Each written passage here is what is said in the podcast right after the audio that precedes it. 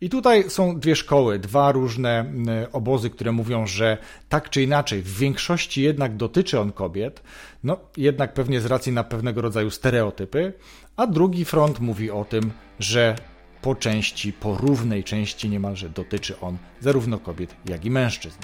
Zapraszam do podcastu Rozwój Osobisty dla Każdego.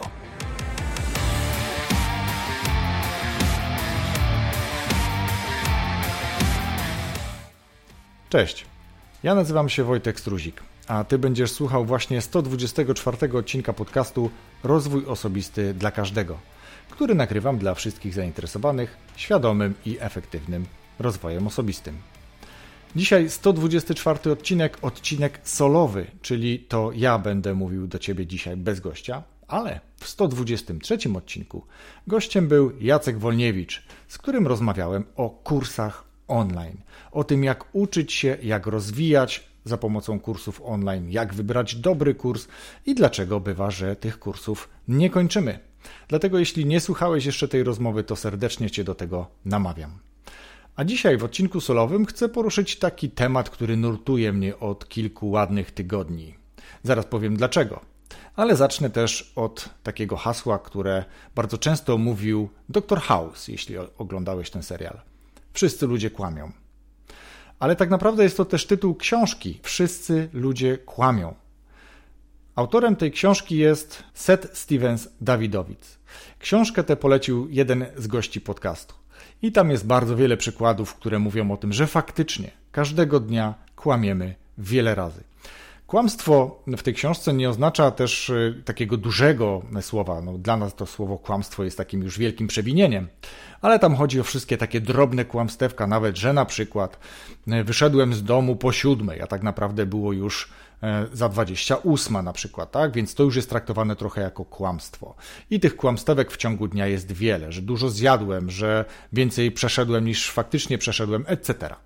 Ale tak naprawdę nie chcę dzisiaj mówić o tym, że kłamiemy, że oszukujemy. Ale chociaż chcę powiedzieć o oszustwie. O oszukiwaniu samego siebie. O syndromie oszusta. Co to takiego jest? Syndrom oszusta dotyczy najczęściej ludzi, którzy już mają pewnego rodzaju doświadczenie, wiedzę, mądrość, e, ale jednak pojawiają się różnego rodzaju obawy, obawy, o których za chwilę powiem. Ale skąd o tym wiemy?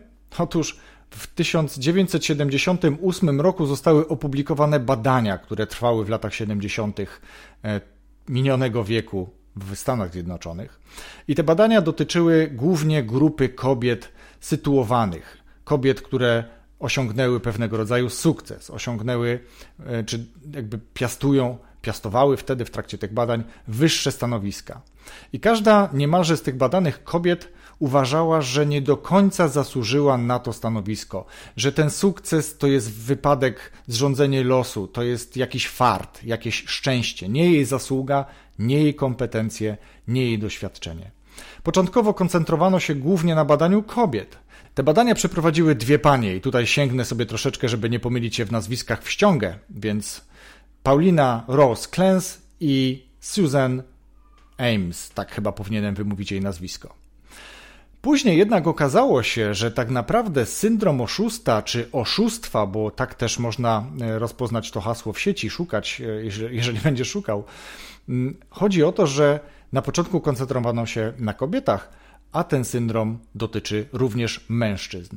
I tutaj są dwie szkoły, dwa różne obozy, które mówią, że tak czy inaczej, w większości jednak dotyczy on kobiet, no jednak pewnie z racji na pewnego rodzaju stereotypy, a drugi front mówi o tym, że po części, po równej części niemalże dotyczy on zarówno kobiet, jak i mężczyzn. Co to oznacza tak naprawdę, ten syndrom oszusta? Tak jak powiedziałem, te kobiety uważały, że nie zasłużyły na to stanowisko. Syndrom oszusta nie jest chorobą, więc jeśli masz czasem takie stany, takie obawy, to nie martw się, nie trzeba tego leczyć. Są sposoby radzenia sobie z tym i o nich powiem trochę później, ale jest to po prostu pewien stan psychiczny, pewien stan w naszej głowie.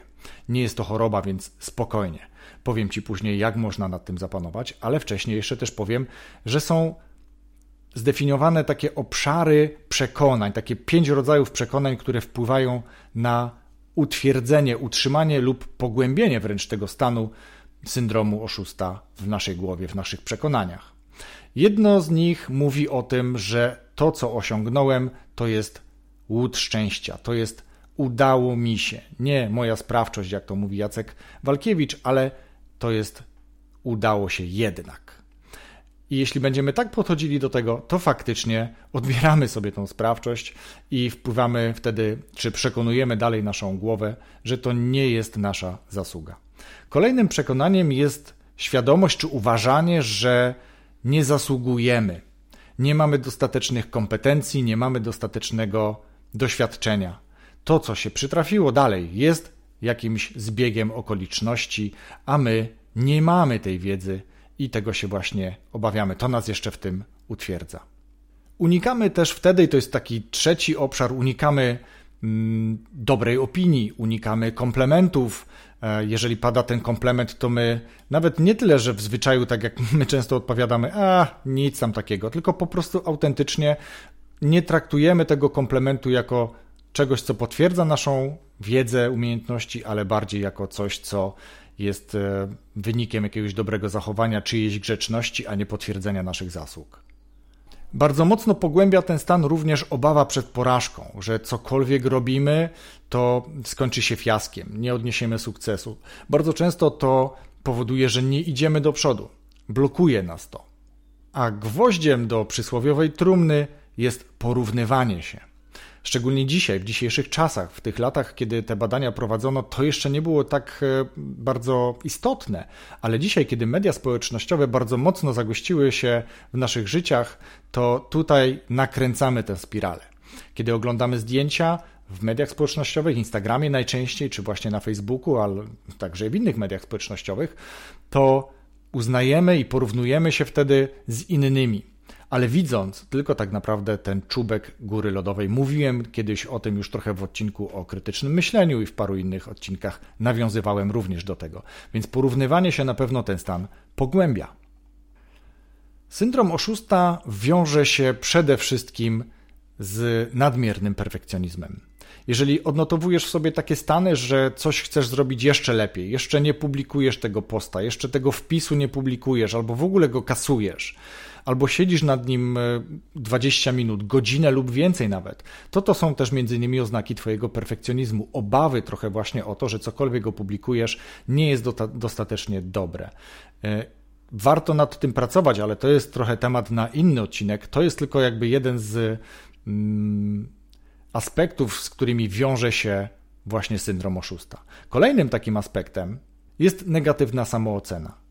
One nie są od siebie zależne, ale współistnieją. To znaczy, można mieć niską samoocenę i nie mieć syndromu oszusta, ale generalnie, jeśli mamy syndrom oszusta, to on może też wpływać na tą niższą samoocenę. To raczej w tą stronę będzie działało. Osoby, które mają taką wysoką zdolność do autorefleksji, do samoobserwacji, osoby wysoko empatyczne, one również mają jakby taką dużą świadomość tego, że ten syndrom oszusta, znaczy, czy mają świadomość, że syndrom oszusta występuje? Niekoniecznie, ale mają takie przeświadczenie, że oszukują innych sobą, swoimi komunikatami, swoimi treściami, tym, co publikują na przykład w sieci, e, czy opowiadają o swoich doświadczeniach, to one najczęściej też będą miały właśnie częściej doświadczenie syndromu oszusta. Ten syndrom wiąże się też z lękiem, o tym już trochę mówiłem, ale co ciekawe, on wiąże się również ze skłonnościami do depresji. To jest temat dosyć trudny i myślę, że o depresji porozmawiamy sobie z ekspertem w innym odcinku podcastu. Natomiast tutaj chcę tylko o tym wspomnieć.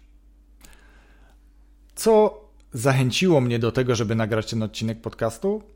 Kilka wcześniej miałem już takie refleksje. Ja też jestem osobą raczej wysoko empatyczną. Talent empatia według badania Galupa jest u mnie w top 5, bodajże na trzecim miejscu. Więc faktycznie to też może mnie dotykać często. Pomimo, że jestem raczej dość pewny siebie, chociaż różnie w różnych okresach życia bywało, to jednak pojawia się taki syndrom. Wiele razy się pojawił, wtedy jeszcze nie potrafiłem go nazwać, ale powiedzmy, że jeden z takich pierwszych mocnych oznak to premiera odcinka o notowaniu, kiedy do końca nie byłem pewny, czy chcę go opublikować. To był odcinek właśnie również solowy i uważałem, że to mogą być e, tak oczywiste rzeczy i za chwilę ktoś się odezwie i powie, że w ogóle to, co ja powiedziałem, to są bzdury i że nie mam racji, że w ogóle jest zupełnie inaczej. I dopiero po jakimś czasie, kiedy zacząłem bardziej zgłębiać tę literaturę, okazało się, że to jak najbardziej jest między innymi syndrom oszusta, bo tam kilka aspektów może mieć e, z tym konotację.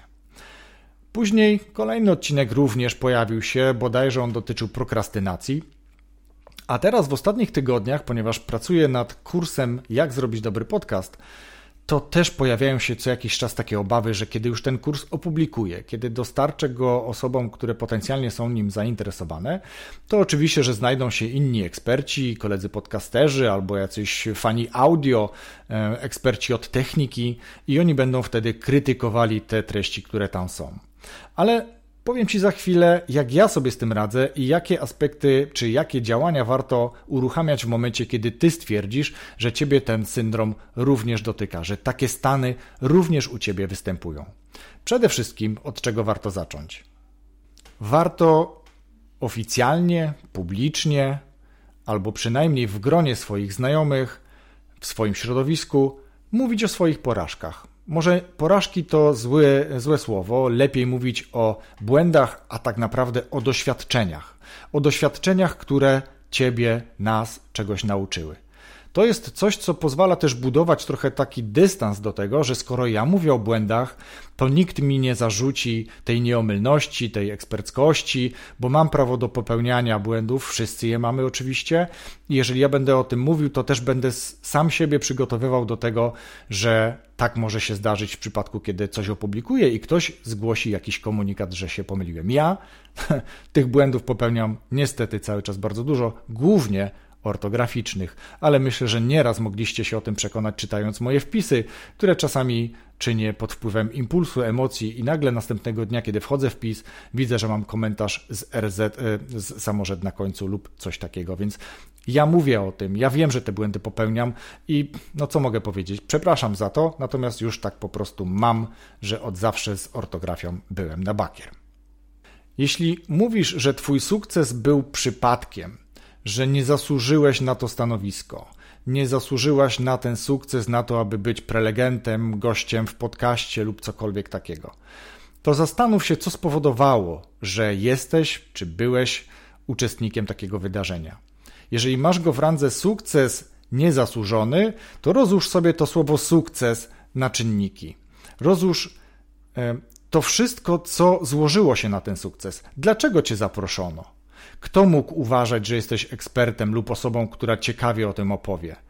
I to doprowadzi cię do tego najczęściej. Oczywiście tam się też pojawią pewnie takie e, stwierdzenia, że być może tam jakaś znajomość, że być może ktoś cię polecił, ale tak naprawdę myślę, że przeważającą ilość komunikatów czy takich stwierdzeń, które tam zapiszesz, to będą stwierdzenia w stylu: Mam doświadczenie, uczyłem się, uczyłam w kierunku, pracuję lub robię badania w temacie, etc. I tego będzie dużo. I ja właśnie sam siebie również w ten sposób trochę pocieszam i tłumaczę, że taki kurs, który ja opublikuję, nie zawiera informacji niesprawdzonych, nie zawiera informacji nie moich, nie wynikających z moich doświadczeń. Wszystko w tym kursie jest w wyniku mojego ponad dwójpółletniego, no jeszcze nie dwójpółletniego, ale prawie prowadzenia podcastu, czy też dwóch podcastów, które łącznie, jak niedawno sprawdziłem, miały ponad milion odsłuchań. Oczywiście większą ilość odsłuchań ma podcast bajkowy, natomiast oba, tak jak powiedziałem, mają łącznie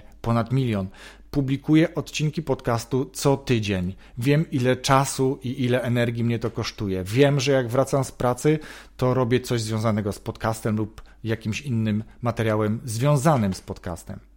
Więc to wszystko też pozwala mi wycofywać tego oszusta z mojej głowy, przekonywać samego siebie, że to, co robię i to, dzięki czemu wysłuchacie tego podcastu, to nie tylko głos, bo takie też mam czasami przekonania, że słuchacie tego podcastu, bo na przykład mam miły głos, tak? Czy brzmię dobrze.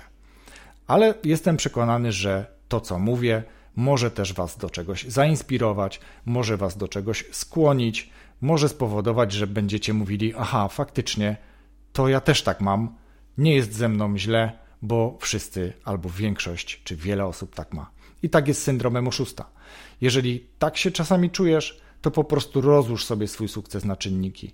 Zastanów się nad tym, że tak naprawdę to sam zapracowałeś na ten sukces. Twoje doświadczenie, Twoja wiedza, Twoja szkoła, edukacja wpłynęły na to, że jesteś tu, gdzie jesteś, a nie wygrana w totka, chociaż czasami może to pomóc, czy też przychylna opinia innej osoby. A nawet jeśli, to dlaczego ta osoba przychylnie mówiła o tobie? Dlaczego ona dobrze o tobie mówiła? Nie jest to wynik stricte samej sympatii, bo rzadko kiedy polecimy kogoś, kto, e, kogo tylko lubimy, bo wiemy, że to później też będzie rzutowało na nas, więc polecamy osobę, której jesteśmy w pewien, w pewien sposób pewni. A zatem syndrom oszusta jest zupełnie naturalnym zjawiskiem, cały czas trwają nad nim badania, dotyczy zarówno kobiet, jak i mężczyzn i to najczęściej tych, którzy już jakąś wiedzę i doświadczenie mają, a zatem te obawy, ta empatia, to samo ocenianie siebie wpływa na to, że ten syndrom może się bardziej umocnić, a ja Ci powiedziałem, jak możesz próbować z tym walczyć, czy też jak go próbować umniejszać w swojej głowie.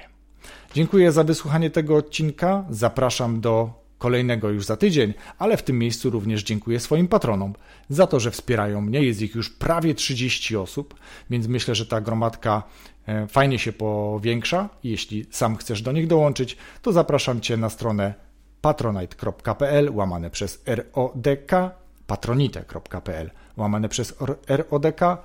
Tam znajdziesz progi, które myślę, że są dosyć przystępne. Wybierz swój i wspieraj mnie w podcaście Rozwój Osobisty dla Każdego lub i bajkowym podcaście. Za co oczywiście z góry dziękuję i jak już powiedziałem, zapraszam za tydzień do nowego odcinka podcastu. Rozwój Osobisty dla Każdego.